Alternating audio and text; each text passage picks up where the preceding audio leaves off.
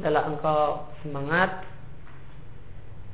untuk melakukan hal yang manfaat bagimu baik berkaitan dengan agama, urusan agama ataupun urusan dunia.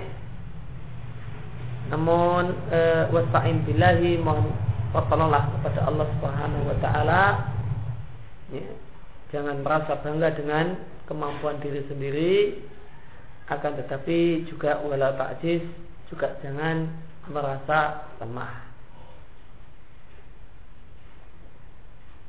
Wain asabaka syai'un jika menimpamu suatu hal fala takul maka janganlah engkau mengatakan lau anni fa'altu kada wa kada andai aku melakukan ini dan itu yaitu pengandaian dalam rangka e, tahassuran merasa sedih dan tidak terima dengan takdir lakana kada wa kada tentu yang akan terjadilah demikian dan demikian Walakin kul akan tapi katakanlah Rasanya ketetapan Allah dan apa yang Allah kehendaki itulah yang terjadi. Karena kata-kata anda yaitu anda dalam rangka penyesalan dan uh, tidak rela dengan takdir itu membuka amal amal syaitan ya, kerjanya setan. Ya, di sini dibawakan oleh Syekhul Islam untuk membuktikan bahasanya e, manusia itu bertingkat-tingkat.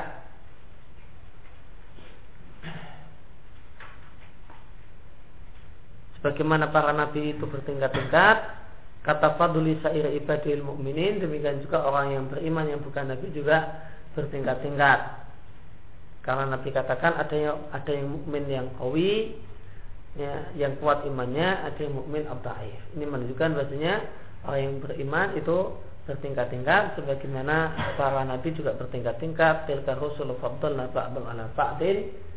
Ya, ada yang lebih tinggi daripada yang lain maka orang yang beriman ada yang lebih tinggi daripada yang lain.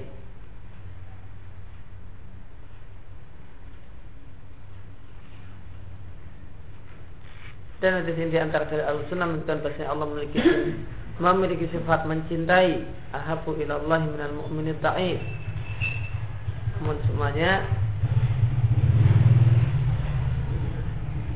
dan kawi dan taif dalam hadis ini adalah dalam iman bukan dalam masalah fisik ataupun yang lain kecuali tapi saja. Kecuali tambahan saja kalau ada orang yang mukmin yang kuat imannya, kemudian dia kuat fisiknya, nah itu maka satu hal yang baik. Tapi pada asalnya kuat dan taif di sini adalah masalah iman. Meskipun kita tidaklah ragu bahasanya seorang mukmin yang kuat imannya ditambah kuat fisiknya, kuat ekonominya itu lebih baik daripada orang yang beriman yang sudah lemah imannya ditambah lemah fisiknya namun asalnya uh, al-qawi dan al-da'if dalam hadis ini adalah berkaitan dengan iman.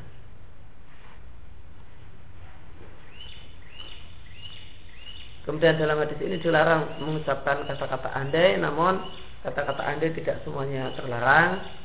Andai yang terlarang yang dimaksudkan adalah andai yang uh, dalam rangka untuk menyesali keadaan dan tidak rela dengan takdir yang terjadi. Ini yang tercela.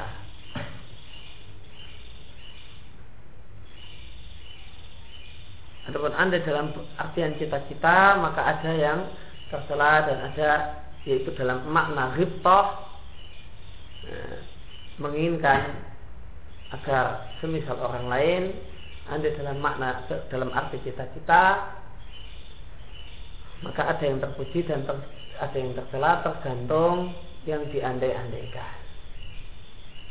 Nanti katakan ada dua manusia itu ada empat macam. Nah, yang satu adalah orang yang Allah beri harta dan Allah beri ilmu, kemudian dia beramal dengan hartanya sesuai dengan ilmunya.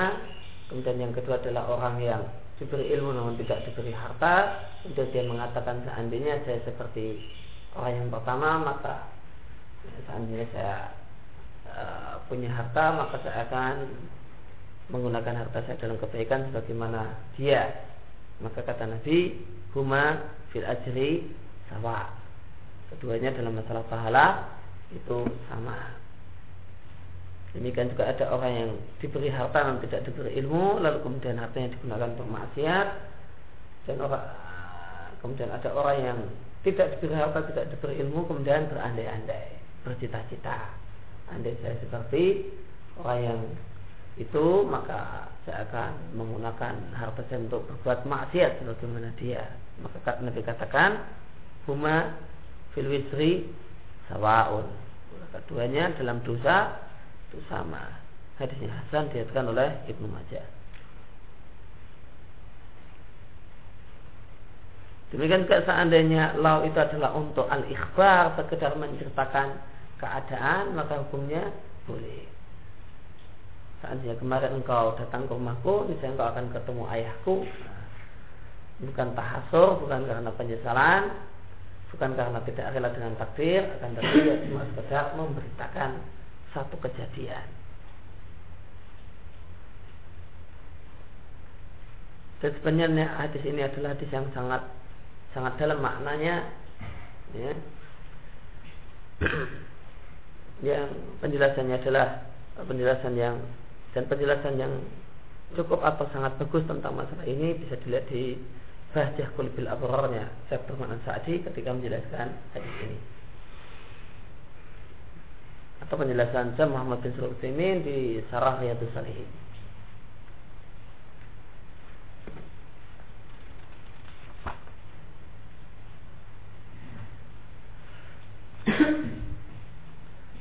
Kemudian dalam Sahihain dari Abu Hurairah dan Amr bin Al-As radhiyallahu anhuma Nabi sallallahu alaihi wasallam mengatakan jika seorang hakim beristiad lalu benar maka untuknya dua pahala jika istiad atau keliru maka untuknya satu pahala. Ya di sini dalil bahasanya masalah uh, khilafiyah istihadiyah masalah istihadiyah itu yang benar adalah cuma satu. Ketika ada satu masalah diperselisihkan oleh ulama maka ada yang mengatakan yang hukumnya boleh, ada yang mengatakan hukumnya haram, manakah yang benar? Eh, yang benar mungkin itu dan mungkin itu namun wajib kita yakini bahasanya pada hakikatnya yang benar itu cuma satu. Cuma kita nggak tahu secara pasti yang satu itu yang mana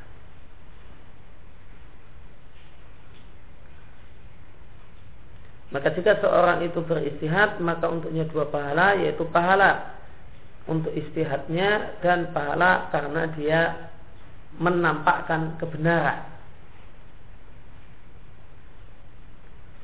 Sedangkan jika dia keliru maka untuknya pahala itu pahala beristihad sedangkan kelirunya dimaafkan.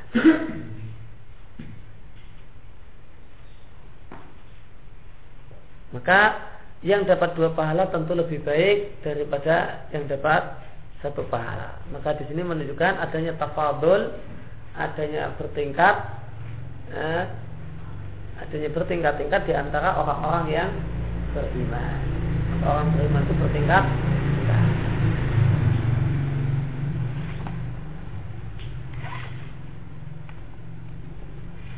Dan dalil yang lain yang menunjukkan bahasanya orang itu bertingkat-tingkat dan firman Allah Subhanahu wa taala di surat An-Nisa ayat yang ke-95. Tidaklah sama al-qaiduna minal mu'minin orang-orang yang beriman yang tidak berangkat berjihad. Ghairu ulid darari Padahal dia bukanlah orang yang mendapatkan darar untuk ber, yang menghalangi dia untuk berjihad dia bukan orang yang sakit bukan orang yang cacat sehingga tidak berangkat, bisa berangkat jihad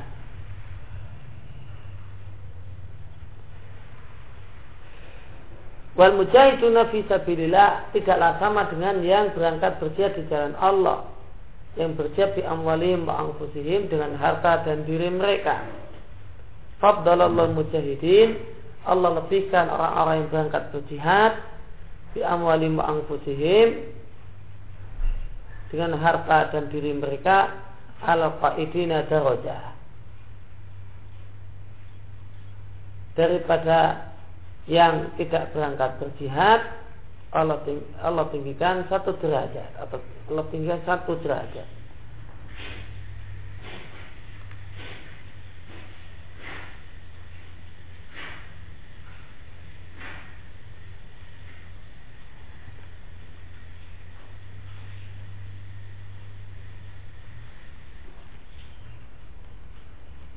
Nah, al-qaidin di di kalimat yang kedua ini apakah sama dengan al-qaidun di kalimat yang awal ayat? Kalau awal ayat al-qaidunnya kan bicara tentang orang yang tidak berangkat jihad dan tidak sakit, tidak cacat.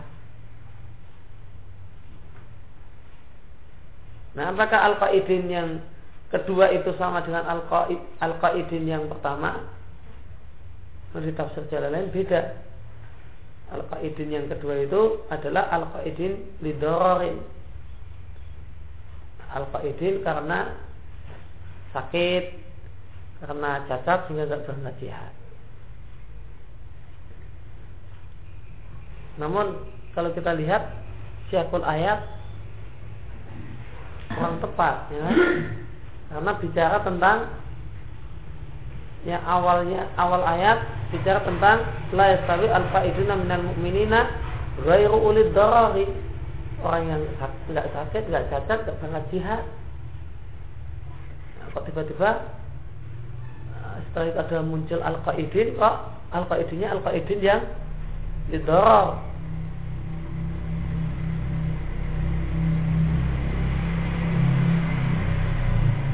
Wa kullu wa'atallul husna dan masing-masing dari keduanya yang berangkat jihad dan yang tidak berangkat jihad namun masih beriman wa'adallahul husna. Allah janjikan padanya kebaikan yaitu surga. Wa faddalal mujahidina alal qaidin dan Allah lebihkan orang-orang berangkat jihad dengan orang yang tidak berangkat jihad. Ini di tafsir jalan qaidin yang ketiga ini juga li ghairi orang yang tidak berangkat jihad lighairi dararin yang tidak karena tidak karena dorong bahaya. Ajaran azimah dengan pahala yang besar. Hmm.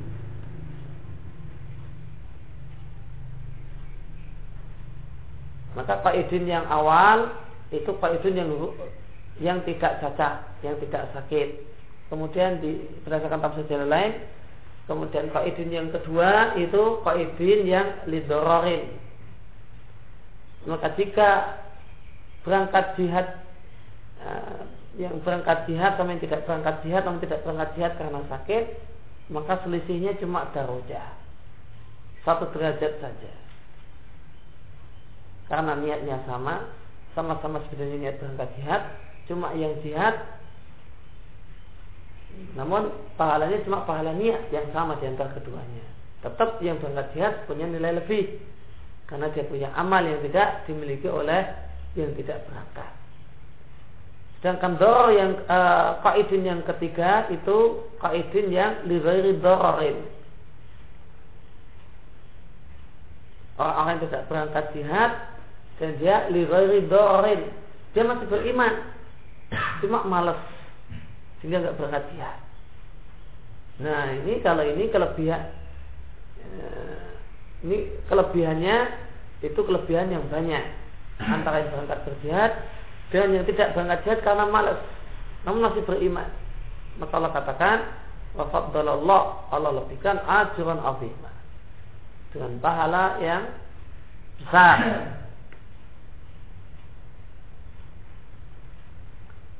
Berapa? Darajatin minhu.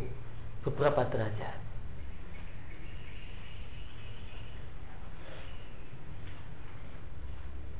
Wa maghfirata wa rahmah, maghfirah dan rahmah.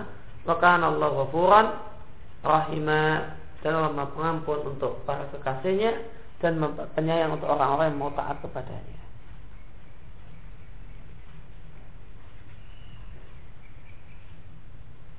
Maka faddalallahu mujahidin al qaidina ajrat azimah darajatin minhu ini adalah perbedaan antara yang berangkat jihad Dan orang yang beriman tidak berangkat jihad karena malas. Namun dia masih beriman.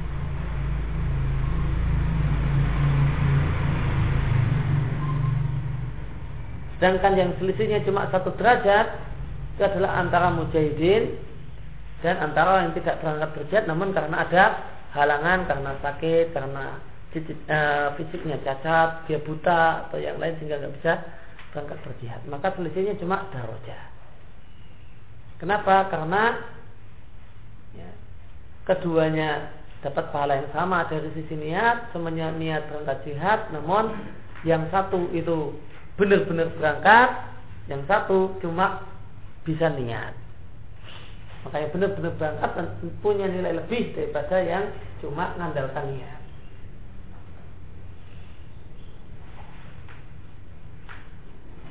Maka itu menunjukkan bahasanya orang-orang yang beriman tuh bertingkat-tingkat. Demikian juga Allah berfirman tentang para sahabat, pasti para sahabat itu bertingkat-tingkat. Laisal minkum man anfaqa min qablil fathi wa qatala. Sehingga tidaklah sama di antara kalian para sahabat Nabi antara orang yang menginfakkan hartanya sebelum fatah sebelum kemenangan Islam wa qatala dan yang berperang. Kalau di tafsir jalan fatahnya di sini dimaknai Fatul Mekah. Jelas sama di antara kalian orang yang mengeluarkan hartanya untuk keperluan Islam sebelum fatah kalau menurut asal jalan yaitu Fatul Mekah Maqat dan yang berperang. Ulaika a'zamu darajat mereka itu lebih besar derajatnya daripada anfakum min ba'du orang-orang yang mengeluarkan harta setelahnya setelah Fatul Mekah. Wa dan setelah dan berperang setelah Fatul Mekah. Wa qula wa husna meskipun masing-masing dari keduanya Allah janjikan untuk mereka al-husna kebaikan yaitu surga. Wallah bima ta'maluna khabir dan Allah Maha mengetahui amal yang kalian lakukan.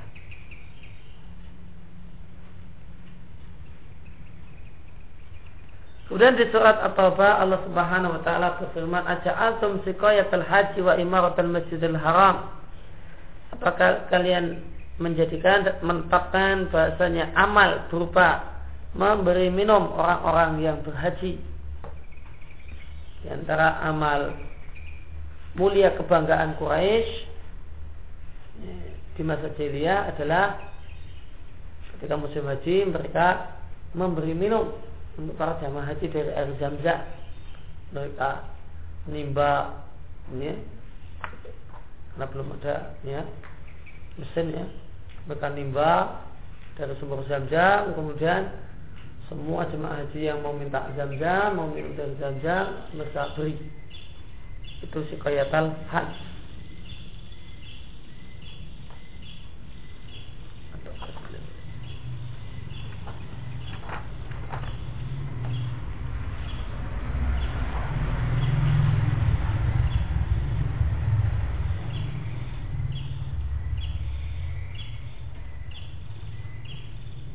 wa imaratul masjidil haram dan memakmurkan masjidil haram kita terjalan lain yang dimaksud imaratul masjidil haram artinya penduduk masjidil haram. Orang yang tinggal di dekat masjidil haram. Bagaimana orang yang beriman pada Allah dan hari akhir dan bekerja di jalan Allah La yastawuna indallah Mereka tidaklah sama Keutamaan mereka di sisi Allah. Wallahu yasil zalimin dan Allah tidak memberikan petunjuk pada orang-orang yang zalim itu orang-orang yang kafir. Ya diturun untuk membantah orang yang mengatakan demikian. Yaitu membantah orang-orang musyrik, orang-orang kafir yang mengatakan merasa cukup dengan amal mulia tersebut kami eh, penduduk tanah haram kami memiliki amal untuk memberi minum para jemaah haji yang sekian banyaknya maka tidak beriman nggak apa-apa. Maka Allah turun ayat ini untuk membantah hal tersebut. Ini dikatakan oleh Al Abbas paman Nabi sebelum masuk Islam dan yang lainnya.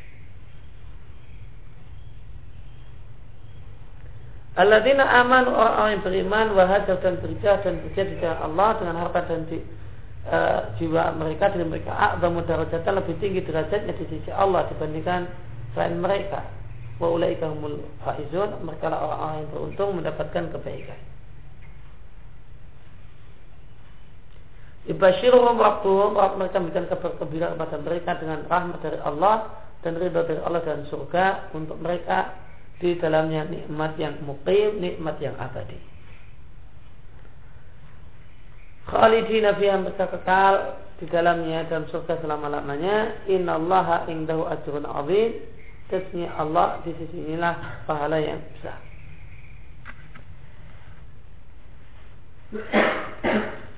Dan Allah Subhanahu wa taala berfirman di surat Az-Zumar, "Aman wa qanitun ana al-lail." Apakah orang yang qanitun yang menundukkan diri di waktu malam, sajidan dia bersujud, wa iman dan berdiri ya darul akhirah karena takut akhirat wa wa yarju rahmat rabbih dan mengharap rahmat Rabbnya sama dengan yang tidak semacam itu tentu jawabannya tidak sama. Ya zarul akhirat yang mereka merasa takut dengan akhirat maksudnya adalah seksa di akhirat. Wa yarju rahmat rabbih dan mengharap rahmat Rabbnya. Rahmat Rabbnya di sini di jalan lain ditafsirkan dengan jannah. Maka di sini adalah atau ayatnya adalah bantahan orang-orang sufi yang mencela orang yang uh, beribadah karena mengharap surga. Maka di, di tafsir jalan dikatakan rahmat Rabb itu adalah surga. Allah memuji orang yang mengharap beribadah kepada Allah, berdiri uh, sholat di waktu malam dalam rangka berharap surga dan takut dengan siksaan di akhirat, yaitu siksa neraka. Kula hal yastawi apakah sama orang yang uh, orang yang punya ilmu dan orang yang tidak punya ilmu tentu jawabannya tidak sama. Inna yatazakkar hanyalah orang-orang yang bisa mengambil pelajaran adalah ulul albab, orang-orang yang punya akal pikiran, yaitu orang-orang yang beriman.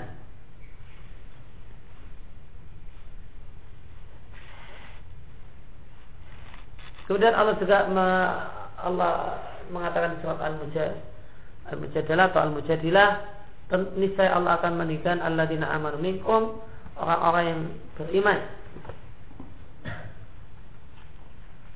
Minkum di sini li tabaid ataukah li banyak?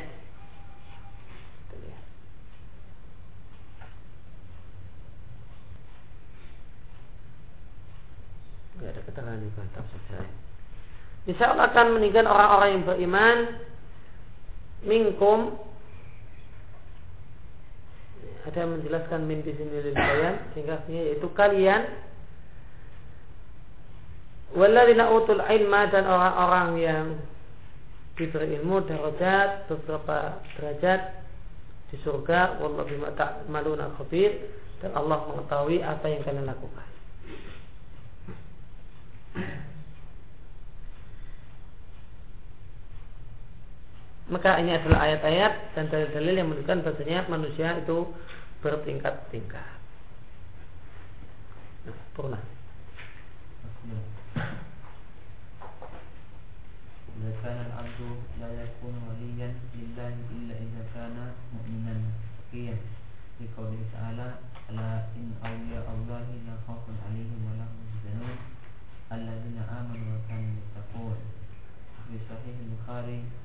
في الحديث المشهور وقد تقدم يقول الله تبارك وتعالى فيه ولا يزال عبدي يتقرب إلي بالنوافل حتى أحبه ولا يكون مؤمنا تقيا حتى يتقرب إلى الله بالفرائض فيكون من الأبرار أهل اليمن. يميني. أهل اليمين. ثم بعد ذلك لا يزال لا يزال يتقرب إليه بالنوافل حتى يكون من السابقين المقربين. فمعلوم أن أحدا من الكفار والمنافقين لا يكون وليا لله وكذلك من لا يصح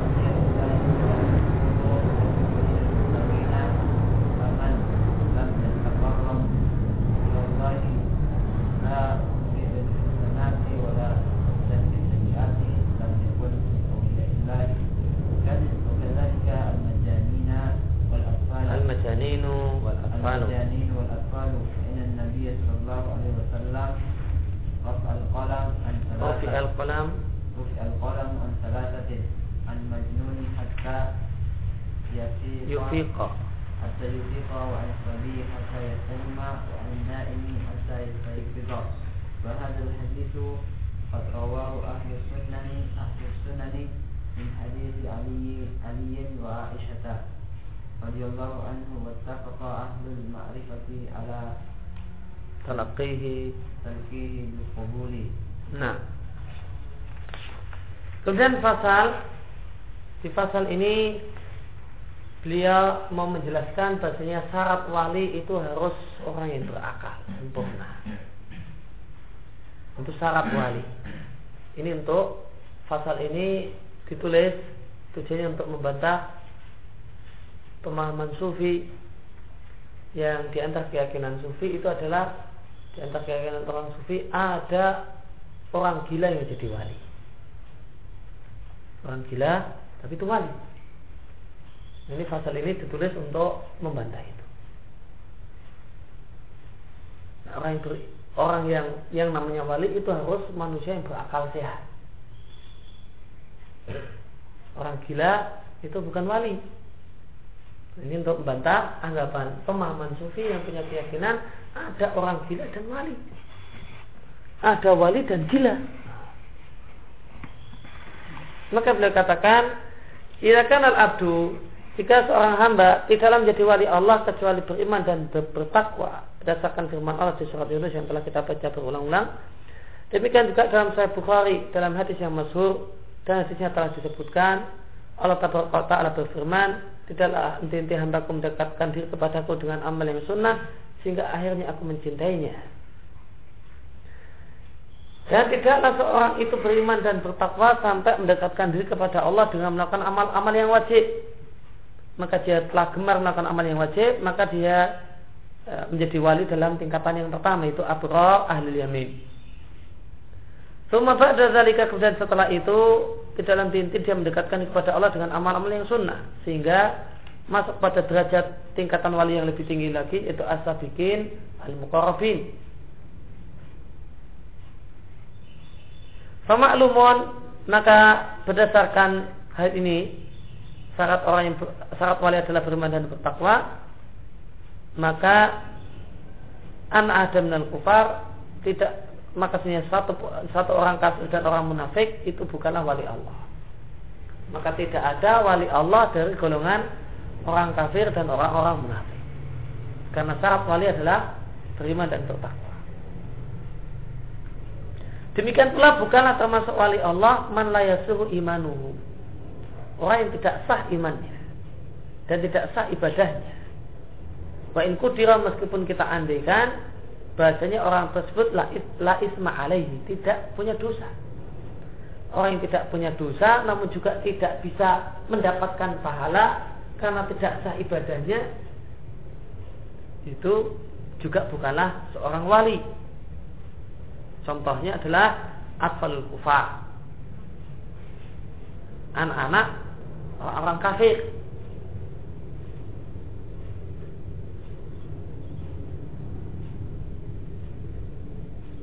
Anaknya orang kafir, maka dia tidak punya dosa.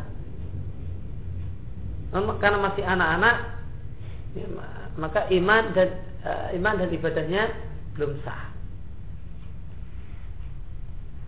Demikian juga orang yang belum sampainya kepada mereka dakwah. Atau semisalnya, alul fatrah misalnya. Meskipun kita dikatakan bahasanya mereka tidak akan disesat, orang yang, orang yang tidak akan disiksa sampai Allah kirim kepada mereka seorang utusan untuk ngetes mereka. Meskipun di sini Syekhul Islam mengatakan itu kila, namun adalah pendapat yang benar. Ini pendapat yang benar, alul fatrah Demikian juga orang yang tidak uh, mendapatkan dakwah atau belum sampai pada mereka dakwah Islam maka nanti di akhirat akan Allah utus utusan untuk ngetes keadaan mereka.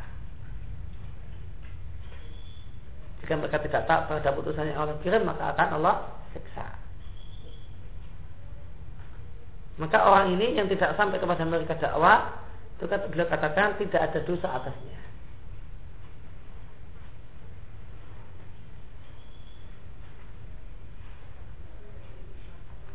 Namun apakah berarti mereka itu tidak bisa ya, difonis sebagai orang kafir? Kemarin telah kita singgung, jika mereka menisbatkan diri kepada kekufuran, ya, menisbatkan diri kepada Nasrani atau Yahudi atau agama-agama yang lain, maka hukumnya di dunia adalah hukumnya orang kafir, tidak boleh disolatkan dan seterusnya. Eh, adapun keadaannya di akhirat, maka pendapat yang kuat adalah mereka tidak akan Allah siksa sampai Allah kirimkan pada mereka seorang utusan. Meskipun mereka tidak punya dosa, mereka tetap bisa difonis sebagai orang kafir dan distatuskan dan berstatus sebagai orang kafir di dunia menurut hukum dunia. Adapun menurut hukum di akhirat apakah dia kafir, maka al-amru ilallah.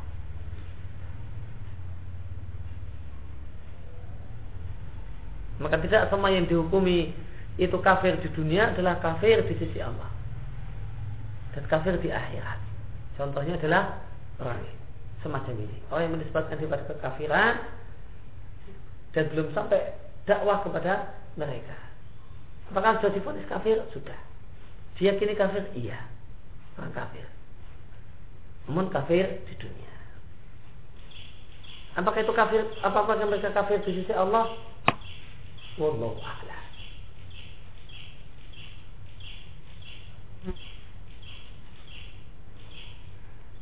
Nah, alul fatrah atau orang-orang yang belum belum sampai pada mereka dakwah, dakwah Rasul, fala yakunu min auliyaillah, maka mereka bukanlah wali Allah. Jika mereka bukanlah termasuk orang mukmin dan bertakwa. Maka orang yang tidak mendekatkan diri kepada Allah dengan melakukan kebaikan atau meninggalkan keburukan, maka dia bukanlah wali Allah. Demikian pula orang gila dan anak-anak kecil. Dari orang dari anak-anak orang beriman. Itu bukanlah wali. Kenapa? Karena Nabi SAW mengatakan diangkat pena, pena taklif, dosa dan pahala dari tiga jenis manusia, dari orang gila sampai dia sadar, dari anak kecil sampai dia istilah. Ini dalil bahasanya salah satu tanda balik adalah mimpi. Wa naim dan orang yang tidur sampai dia bangun. Dan di sini diatkan oleh ahlu sunan.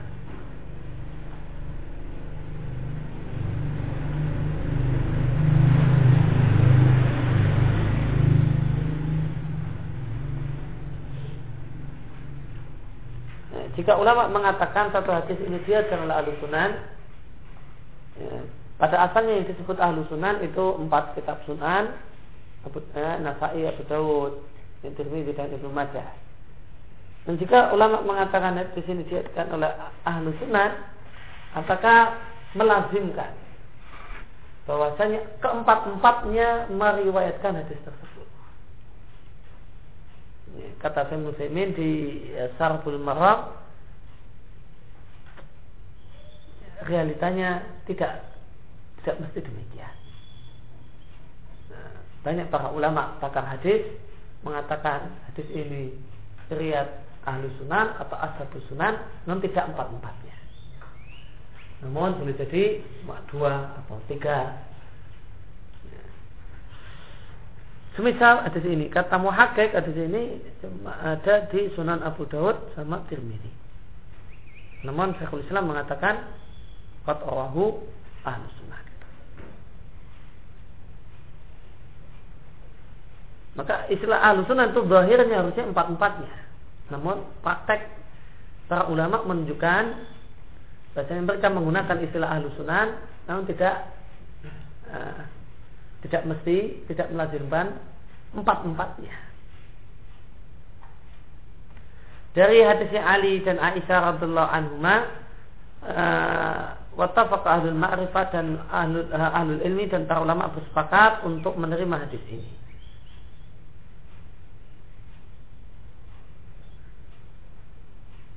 Maka menurut ulama yang mengatakan jika hadis itu bukan hadis mutawatir, maka dia akan yufidul ilm bil qara'in bisa membuahkan yakin nanti mengatakannya jika ada indikator maka salah satu indikatornya adalah jika seluruh umat atau seluruh ulama talaki bil qabul maka di antara contoh hadis yang talaki al ummah bil qabul diterima oleh para ulama adalah hadis ini. Wattafaqa alil ma'rifah ala talaqihi bil qabul. Ya, aduh. Lakin sabiyu al-mumayyizu tasihu ibadatuhu ibadatuhu tasihu ibadatuhu wa yusabu alaiha inda jumhur ulama'i wa amal majnunu allazi rufi'a anhu al-qalamu fala yasihu shay'un min ibadatihi bi ittifaqil ulama'i wa la yasihu minhu iman wa la kufrun wa la salatun wa la ghairu dzalika min al-ibadati bal la yasihu inda amatil fuqala'i bi umuri dunya tijarati wa fala yasluhu ayyakuna bazazan wala itaran wala hadadan wala tajiran wala tasihu ukuluhu bitifakil ulama'i fala wala nikahuhu wala tolabuhu wala ikraruhu wala syahadatuhu wala ghairu zalika min, aqwalihi. Bal aqwaluhu kulluha laghun la yata'allaqu biha hukmun syar'iyyun. Wala wala sawaba wala iqab wala tabun wala iqabun. wala sawabun wala iqabun.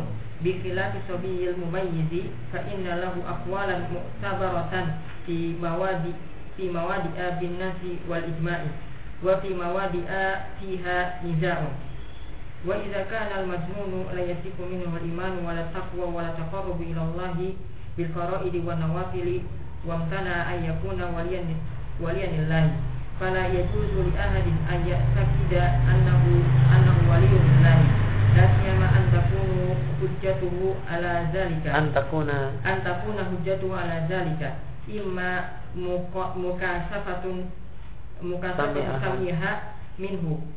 samiha minhu aw naw'un min tasarruf tasarrufin mislu ayarahu qad asyara ila wahid wahidi sam wahidin sami'aha ila ilawah din sami'aha Oh, itu ada kesalahan cetak.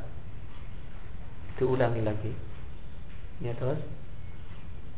Au nau'un min tasarrufin mislu ayyarahu qad asyara ila wahidin famata au syara'a fa innahu qad alima ulima qad ulima anna al-kufara wal munafiqina minal musyrikina wa ahli kitabi lahum mukasyafat mukasyafatun saytaniyatun wa tasarrufatun syaitaniyatun kama lil kuhani was sahrati saharati. wa saharati wal musyrikina wa ahli kitabi fala nah. akan tapi anak kecil yang sudah tamyiz maka ibadahnya sah dan ada pahalanya Salatnya ada pahalanya, puasanya ada pahalanya ya.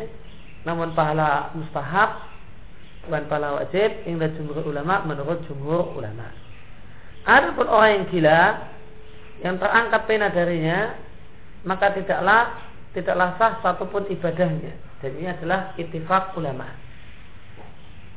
Maka tidak sah imannya jika dia bersahadat saya masuk Islam. Itu uh, tidak dinilai. Layak sih minu imanun. Tidak sah imannya dia mengucapkan kekafiran, oh, kamu jadi kafir, nah, itu juga juga tidak. Wala sholatun. Seandainya dia mengerjakan sholat Maka juga nah, Juga tidak ada manfaatnya. Wala ghairu dhalika minal ibadat Dan ibadah-ibadah yang lain.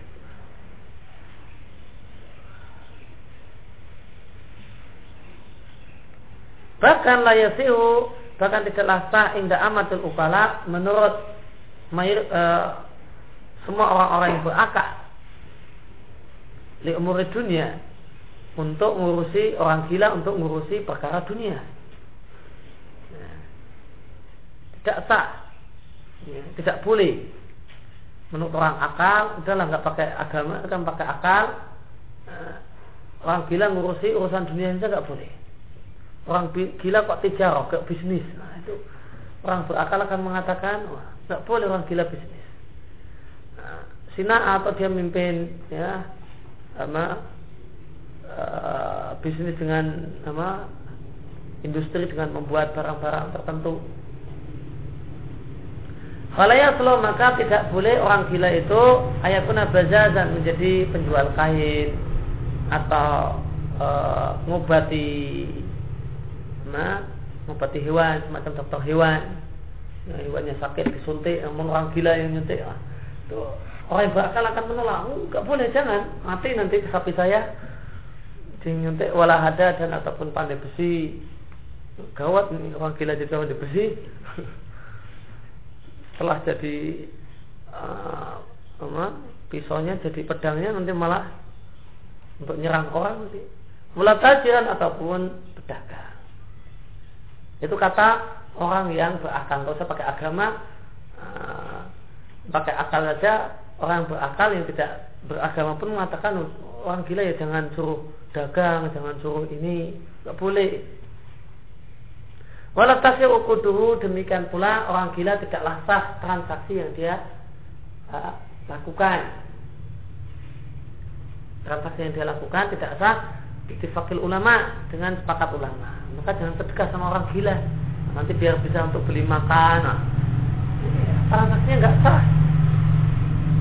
Walau tasihu ukuduhu. Transaksi yang diadakan oleh orang gila orang gila beli makan atau transaksi yang lain. Ini nggak sah. Kalau yang nggak sah ya duitnya belum pindah. Duitnya bukan duit yang halal. Ada orang gila beli makanan itu orang yang menerima uangnya ini ini transaksi transaksi yang tidak sah kalau transaksi nggak sah maka uangnya uang ya bukan tetap miliknya orang gila tadi. Dan ini transaksinya orang gila itu tidak sah bitifakil ulama dengan sepakat ulama. Nah, orang gila itu boleh punya harta. Ada harta orang gila punya harta bisa. Tapi dia tidak boleh ya, dan tidak sah jika mengadakan akad jika mengadakan transaksi. Bahkan di sini dikatakan tidak sah bitifakil ulama dengan sepakat ulama. Maka memberikan uang kepada orang gila dalam artian supaya orang gila ini punya duit boleh. Namun ya jangan dipegangkan sama orang gila ini. Nanti untuk dia beli ini beli itu itu nggak sah. Nggak sah kasihan dagangnya. Yasiu maka tidak sah jika orang orang gila itu kok jual barang ataupun beli barang atau dia menikah atau dia mencerai istrinya ini, sebelum gila dia sehat ya, dia suami punya istri saya itu gila pas gila istrinya ditalak itu tidak sah talaknya wala atau pengakuannya ya, dia ngaku memang benar punya utang sama bulan nah, itu ikarnya pengakuannya tidak tidak sah. Karena diucapkan dalam kondisi gila. Tidak pula persaksiannya tidak pula perkataan-perkataannya yang lain. Bahkan akwalu omongannya orang gila seluruhnya adalah laruan sia-sia. Maksudnya sia-sia layak ta'alak biha hukuman syar'iyun ya, tidaklah berkaitan dengannya tidak ada satupun hukum syar'i yang berkaitan dengannya tidak berkaitan dengan pahala, tidak pula dengan hukuman. Berbeda dengan anak kecil yang sudah tamyiz. Maka anak kecil yang sudah tamyiz, maka dia punya akwal muktabarah, omongan-omongan yang diterima dalam beberapa kasus. Ada yang diterima berdasarkan nas dan ijma. Dan dalam beberapa kasus, omongannya anak kecil yang tamyiz ini diterima. Namun pihak namun ada khilaf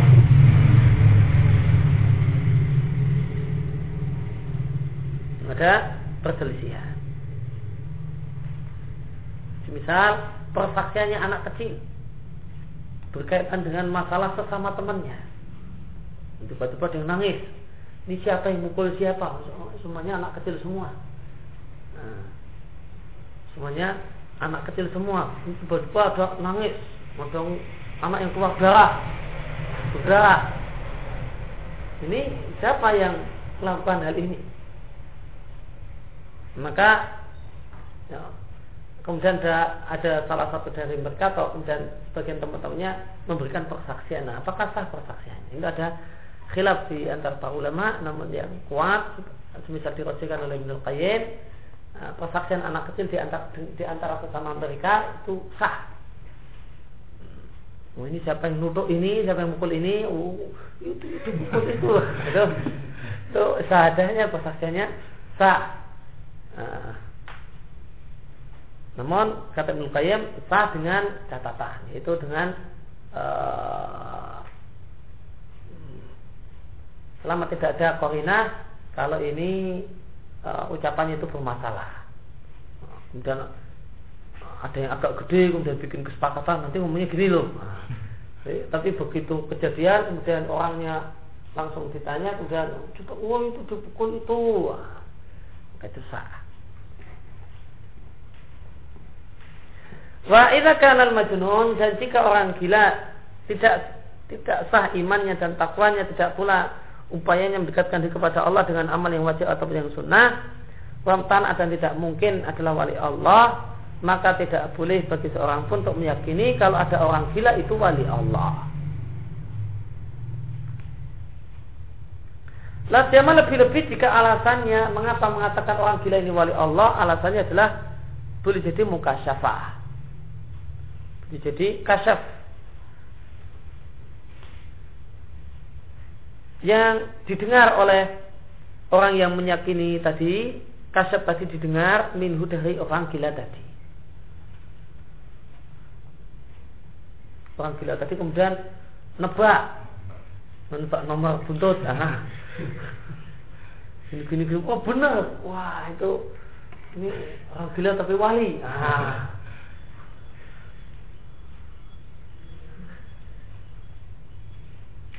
maka orang yang banyak di ya, orang awam tuh orang orang umum tuh nomor ogel tuh tanya sama orang gila. Nah, nanti malam berapa nomor yang keluar? Sama orang gila. Ini yang bertanya lebih gila daripada lebih gila daripada yang ditanya. Dia marah tuh tanya sama orang gila. Tapi banyak itu. Nah kok ternyata tebakannya benar wah ini wali. Ini nggak bisa jadikan dasar uh, alasannya alasan dia wali cuma dengan tebakan roib, tebakan masa depan misalnya omongannya ngaco kok pas.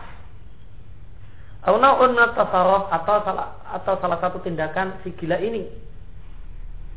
Misalnya ini cetakannya agak ini uh, terulang. Mislu ayyarahu qad asal ila wahidin. Misal orang gila ini nunjuk seseorang tidak lama setelah ditunjuk sama orang gila ini, fama lalu mati. Ausuria atau pingsan. Wah, ditunjuk orang gila itu langsung pingsan. Wah ini orang gila ini wali. Dudeng saja pingsan. Gimana kalau dipegang? Maka jika dasar mengatakan wali orang gila ini adalah wali dengan semacam itu ini dasar yang bukan dasar. Fa'inna ukat ulima maka sudah telah diketahui bahwa orang kafir dan orang munafik yaitu orang-orang musyrik dan ahli kitab lahum kasyafat syaitaniyah. Mereka juga punya kasyaf-kasyaf yang uh, berasal dari setan, watasarufat syaitaniyah dan tindakan-tindakan yang merupakan bantuan setan Bagaimana dimiliki oleh para dukun, sang sihir dan orang-orang musyrik serta ahli kitab. Mereka nebak-nebak perkara gaib pas. Dukun nebak perkara gaib pas. Ini muka syafat syaitaniyah. Atau kemudian e, bisa terbang. Ini tasarufat syaitaniyah.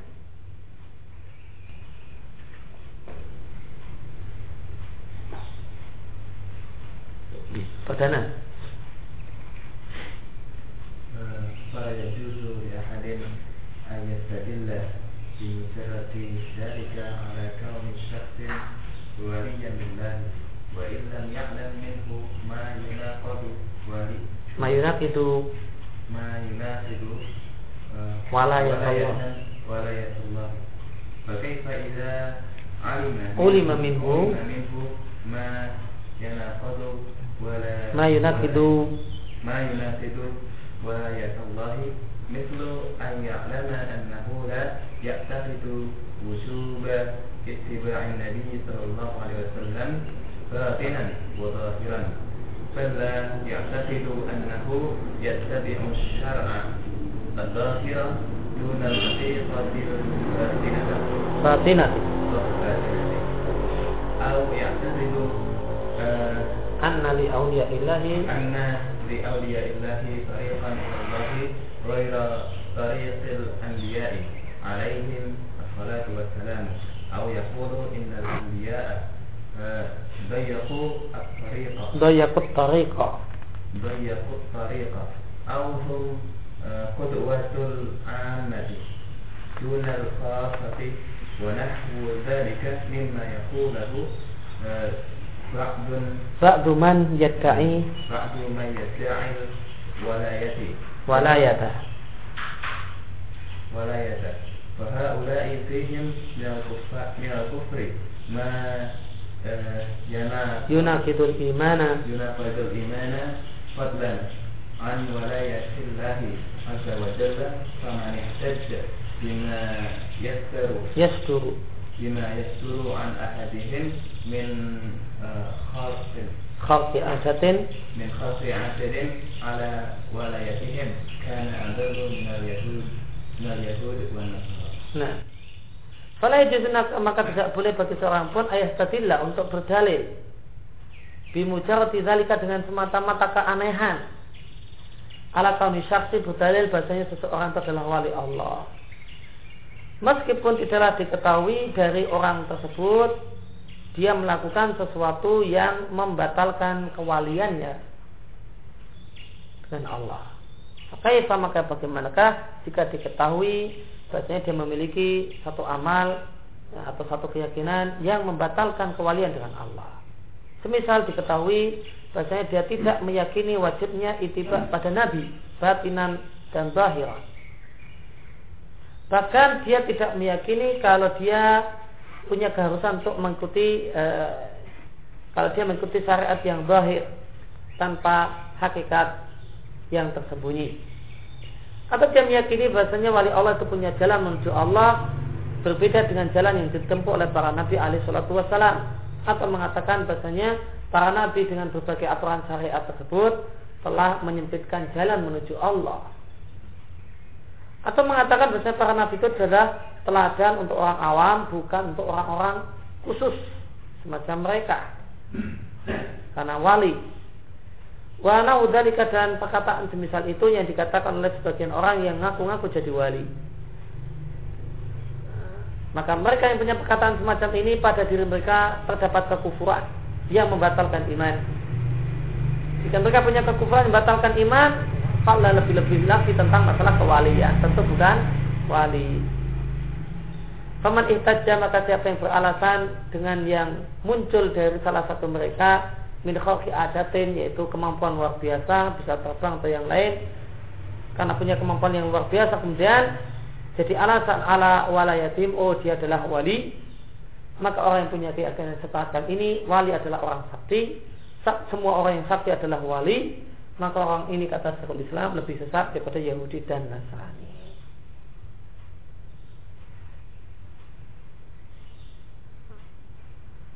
maka orang gila itu omongannya tidak ada yang membatalkan imannya. Ya kan? Kemudian dia punya kemampuan luar biasa. Orang gila yang omongannya tidak membatalkan imannya, dan dia punya kemampuan luar biasa tidak boleh diyakini kalau dia adalah wali. Gimana dengan orang yang punya kemampuan luar biasa, dia tidak gila dan dia mengucapkan ucapan kekufuran. Dia meyakini para nabi itu menyempitkan jalan menuju Allah. Wali itu punya jalan yang sendiri berbeda dengan jalan para nabi. Apakah layak untuk diyakini sebagai seorang wali lebih tidak layak lagi dibandingkan orang gila tadi orang gila tadi tidak boleh diyakini sebagai wali meskipun tidak keluar dari dirinya ucapan atau perbuatan yang membatalkan iman Gimana dengan orang yang punya ucapan dan perbuatan yang membatalkan iman? Semacam orang-orang yang ngaku-ngaku jadi wali mempunyai keyakinan semacam itu tadi. Maka ini lebih layak untuk tidak di, tidak boleh diyakini sebagai wali.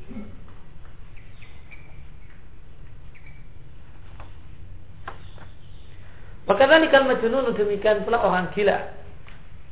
fa inna kaunahu majnunan yunaqidu ayasiha minhul minhul iman wal ibadatul lati ya syartun fi walayatillah pemangkana uh, yajinu ahyanan jannah jannah ya Hah?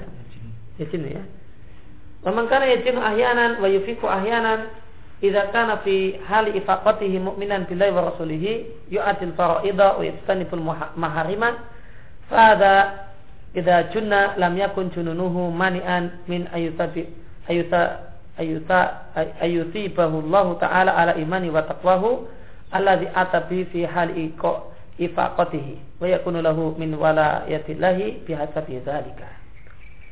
Wa kadzalika man ta'a alil junun ba'da imanihi wa taqwahu fa inna Allah yusibahu yusibuhu wa yujiruhu ala ma taqaddama min iman min imanihi wa taqwahu.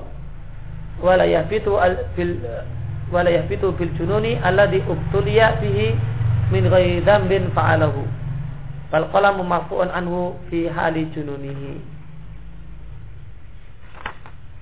Demikian pula orang gila maka statusnya sebagai orang gila itu yunakit membatalkan ya, itu yunakit membatalkan kalau dia bisa memiliki iman yang sah atau ibadah yang sah Padahal ibadah adalah syarat iman. Iman dan ibadah adalah syarat menjadi wali Allah. Maka orang yang gila, maka dengan status orang gila, maka ibadahnya tidak sah dan imannya juga tidak sah. Padahal iman dan ibadah adalah syarat menjadi wali. Maka orang gila tidak mungkin menjadi wali. Sedangkan orang yang gila, gilanya cuma kadang-kadang dan sadar kadang-kadang jika dia dalam keadaan ifakoh, dalam keadaan sadar dia adalah orang yang beriman pada Allah dan Rasulnya, melaksanakan hal-hal yang wajib dan menjadi hal-hal yang haram, fahada maka orang ini tidak junah ketika dia sedang gila, maka gilanya itu tidaklah menghalangi menghalanginya untuk mendapat untuk mendapatkan pahala dari Allah untuk iman dan takwanya Allah di atabi yang dia lakukan pada saat dia sadar untuk orang yang kadang gila dan kadang sadar, pas sadar dari orang yang beriman, maka keadaan dia kadang itu gila tidak menghalangi dia untuk mendapatkan pahala. Tetap dia mendapatkan pahala pada saat amal yang dia kerjakan dalam kondisi sadar. Karena dia punya pahala, maka yakunu lahu min wayat min walayatillah. Maka dia punya status sebagai wali Allah berbanding lurus dengan pahala yang dia miliki dan ibadah yang dia lakukan. Demikian juga mantara alaihi orang yang timbul padanya gila setelah beriman. Kecil, balik, dia jadi orang yang beriman. 30 tahun, gila. Maka dari balik sampai 30 tahun, dia beriman. Maka orang yang muncul pada dirinya gila setelah dia beriman dan dia bertakwa, gimana? Maka Allah akan berikan pahala dan pahala alamat taqaddam min imani wa taqwahu untuk iman dan takwanya yang telah lewat. Ya, iman dan takwanya selama balik sampai 30 tahun itu ada itu ada pahalanya. Dan tidaklah hapus gara-gara gila. Tidaklah amalnya selama balik sampai 30 tahun ini tidaklah hapus gara-gara dia gila setelah 30 tahun. Yang dia ubtulia bihi, yang dia alami uh, yang gila itu dia alami min dzambin fa'alahu bukan karena dosa yang dia lakukan. Dan pena itu terangkat darinya pada saat setelah dia gila. Maka setelah sejak dia gila, sejak dia umur 30 tahun, maka tidak ada lagi pahala dan dosa. Namun selama dia balik sampai gila itu ada pahala. Wa ala hadza faman adharal walayata wa wala yu'adil faraidha wa la yastanibul maharima bal qad ya'ti bima yunaqidu dzalika lam yakun li ahadin ayakula inna hadza waliyun waliyun lillahi fa inna hadza lam yakun majnunan bal kana mutawalliyan min ghairi jununin. Aw kana yaghibu aqlu bil jununi taratan wa yufiku ukhra. Wa wala yaqimu bil faraidi falyataqidu annahu la yajibu ittiba'u rasuli sallallahu alaihi wasallam fa hadha kafirun. Wa man i'taqada hadha waliyun lillah fa huwa kafirun aidan. Wa in kana majnunan batinan wa zahiran qad rafa Allah anhu al-qalama fada wa ilam yakun mu'aqaban uqubatal kafirin falaysa huwa mustahiqan lima yastahiquhu ahlul imani wa taqwa min karamatillah azza wa jal. Fala yajuzu ala takfiraini ayat takida fihi ahadun annahu waliyun lillahi. Walakinahu idza kana hala ifaqatihi kana fiha mu'minan billahi muttaqiyan kana lahum min walayatillahi bihasabi dzalika Wa in kana fi hali ifaqatihi fi kufrun wa nifaqun aw kana kafiran aw munafiqan thumma ta'a 'alal jununu fa hadha fihi min al-kufri wa nifaqi ma yu'aqabu 'alaihi wa jununuhu la yahbitu anhu ma yahsulu minhu hala ifaqatihi min kufrin wa. Berdasarkan penjelasan di atas, faman adharul walaya, maka siapa yang menampakkan diri kalau dia adalah wali Padahal dia tidak mengerjakan amal yang wajib, tidak pula menjauhi yang haram. Bahkan qad ya'ti bima yunaqidu dzalika. Bahkan dia melakukan hal-hal yang membatalkan hal itu. Membatalkan kewaliannya. Maka lam yakun li maka tidak boleh bagi seorang pun untuk mengatakan dan berkeyakinan bahwasanya orang ini adalah wali Allah.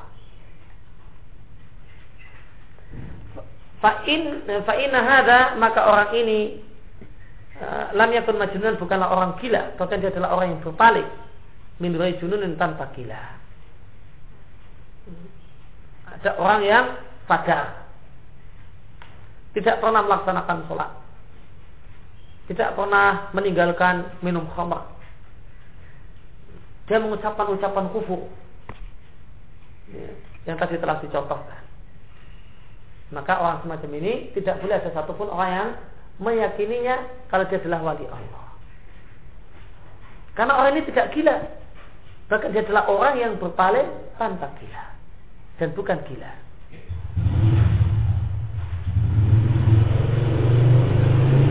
Atau ada orang yang yaribu akluhu bil junun. Hilang akalnya dengan gila tarutan terkadang dan sadar pada saat kondisi yang lain. Namun ketika dia sadar, la la yakumu faraid. Dia bukanlah orang yang melakukan hal-hal yang Allah wajibkan. Bahkan dia meyakini bahasanya dia tidak punya kewajiban untuk mengitibak Rasul. Maka orang ini orang kafir. Ada orang yang gila, kadang gila, kadang sadar. Namun pas sadar, apa yang terjadi? Dia tidak melakukan hal-hal yang wajib, bahkan dia punya keyakinan tidak wajib itibak Rasul. Maka orang ini yang kadang gila kadang sadar ini adalah orang kafir. Dan siapa yang meyakini bahasanya orang yang semacam ini orang kafir semacam ini kok malah diyakini wali Allah maka kata Syekhul Islam bahwa kafirun aidan maka dia juga orang kafir. Yang meyakini kalau ini adalah wali juga orang kafir. Kemudian, karena majnun majnunan jika orang ini adalah jika ada orang yang orang itu adalah orang yang gila, batin dan zahirnya batin dan zahirnya artinya memang asli kafir. Eh asli gila. Batin dan zahirnya luar dalamnya gila maka Allah telah hilangkan darinya pena Allah angkat darinya pena maka meskipun orang ini tidaklah dihukum dengan hukumannya orang kafir akan tapi orang ini tidaklah berhak untuk mendapatkan apa-apa yang menjadi hak orang yang beriman dan bertakwa yaitu kemuliaan dari Allah. Maka orang gila yang tulen gila nah, tidak boleh diyakini adalah wali Allah Subhanahu wa taala. Apalagi orang tadi yang kadang gila dan kadang tidak dan pas, pas tidak gila itu malah nah, tidak beribadah dan tidak bahkan mengatakan tidak wajib ittiba Rasul dan Fala yajuzu ala takbirain maka tidaklah boleh ala takbirain dengan dua kemungkinan tadi Ayat tak fi adun tidak boleh bagi seorang pun untuk meyakini bahasanya orang tersebut adalah wali Allah. Baik orang yang kedua ataupun orang yang pertama. Orang kedua adalah orang yang gila, zahiran batinan, nah, ataupun orang yang kadang gila, kadang tidak, namun ketika pas sadar nah, keluar darinya ucapan-ucapan kufu. Maka dua-duanya tidak boleh diyakini sebagai wali Allah.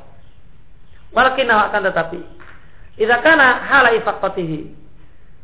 Ada orang yang kadang gila dan kadang sadar. Dan pada saat dia sadar, karena fiha maka dalam kondisi sadarnya dia beriman pada Allah dan bertakwa, maka dia adalah wali Allah berbanding lurus dengan iman dan takwanya. Akan tapi jika dia pada saat dalam kondisi sadar, fihi kufrun wa nifakun. Ketika sadar dan tidak gila, ada pada dirinya kekufuran dan nifak, atau bahkan dia memang orang kafir dan orang munafik, ya, aslinya dia orang kafir atau orang munafik? Summa ta'a alil junun kemudian setelah itu dia mengalami kegilaan. Fadha fihi minal kufir wa nifaq maka orang ini punya kekafiran dan kenifakan mayu akabu alaihi yang dia akan mendapatkan hukuman karenanya. Wajununu sedangkan gilanya tidaklah menghapus mayasal apa yang terjadi pada saat dia sadar yaitu kekufuran dan kenifakan yang dia miliki. Maka beliau katakan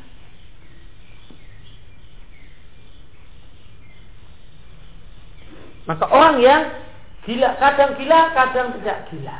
Non pada saat dia tidak gila, ada pada dirinya kufur. Dia punya keyakinan-keyakinan kufur dan ucapan-ucapan kufur. Maka orang ini adalah orang kafir. Yang dia akan mendapatkan hukuman karena kekafirannya. Kemudian beliau katakan Orang yang aslinya adalah orang kafir. Orang kafir. Asli orang kafir. Setelah lama kafir, setelah itu gila. Maka orang ini pada dirinya kekufuran yang dia akan mendapatkan hukuman karena kekufurannya. Meskipun itu dulu. Maka dia akan dihisap yang dulu itu dan akan dipertanggungjawabkan selama dia sadar, selama dia balik sampai dia gila itu. Akan dipertanggungjawabkan. Ketika selama ini dia adalah Ah, dari baliknya sampai gilanya itu dia kufur maka ada pada dia kekufuran yang akan dia pertanggungjawabkan di hadapan Allah Subhanahu wa taala. Maka intinya ya, pasal ini mau menjelaskan bahasanya untuk membantah pemahaman orang sufi adanya orang wali yang gila. Atau ada orang yang gila dan itu wali. Maka katakan syarat untuk orang itu adalah orang yang menjadi wali Allah dia adalah harus beribadah menjalankan faraid minimal. Agar bisa terdapat derajat wali yang paling rendah. Dan faraid itu bisa dikerjakan jika dia tidak bukanlah orang yang gila. Kalau orang yang gila ya maka tidak bisa dikatakan sebagai wali. Kecuali jika dia kadang gila dan kadang tidak gila dan pada saat dia tidak gila dia adalah orang yang yu'adil faraid dan adalah orang yang beriman dan bertakwa atau eh, pada saat, pada awalnya dia adalah bukan orang gila dan dia beribadah beriman dan bertakwa pada saat itu setelah itu dia melakukan gila tanpa dosa yang dia lakukan nah, maka dia ada pada dirinya kewalian berbanding lurus dengan amalnya sebelum gila Demikian Rasulullah ala Nabi Muhammad wa ala alihi wa sallam. Alhamdulillah.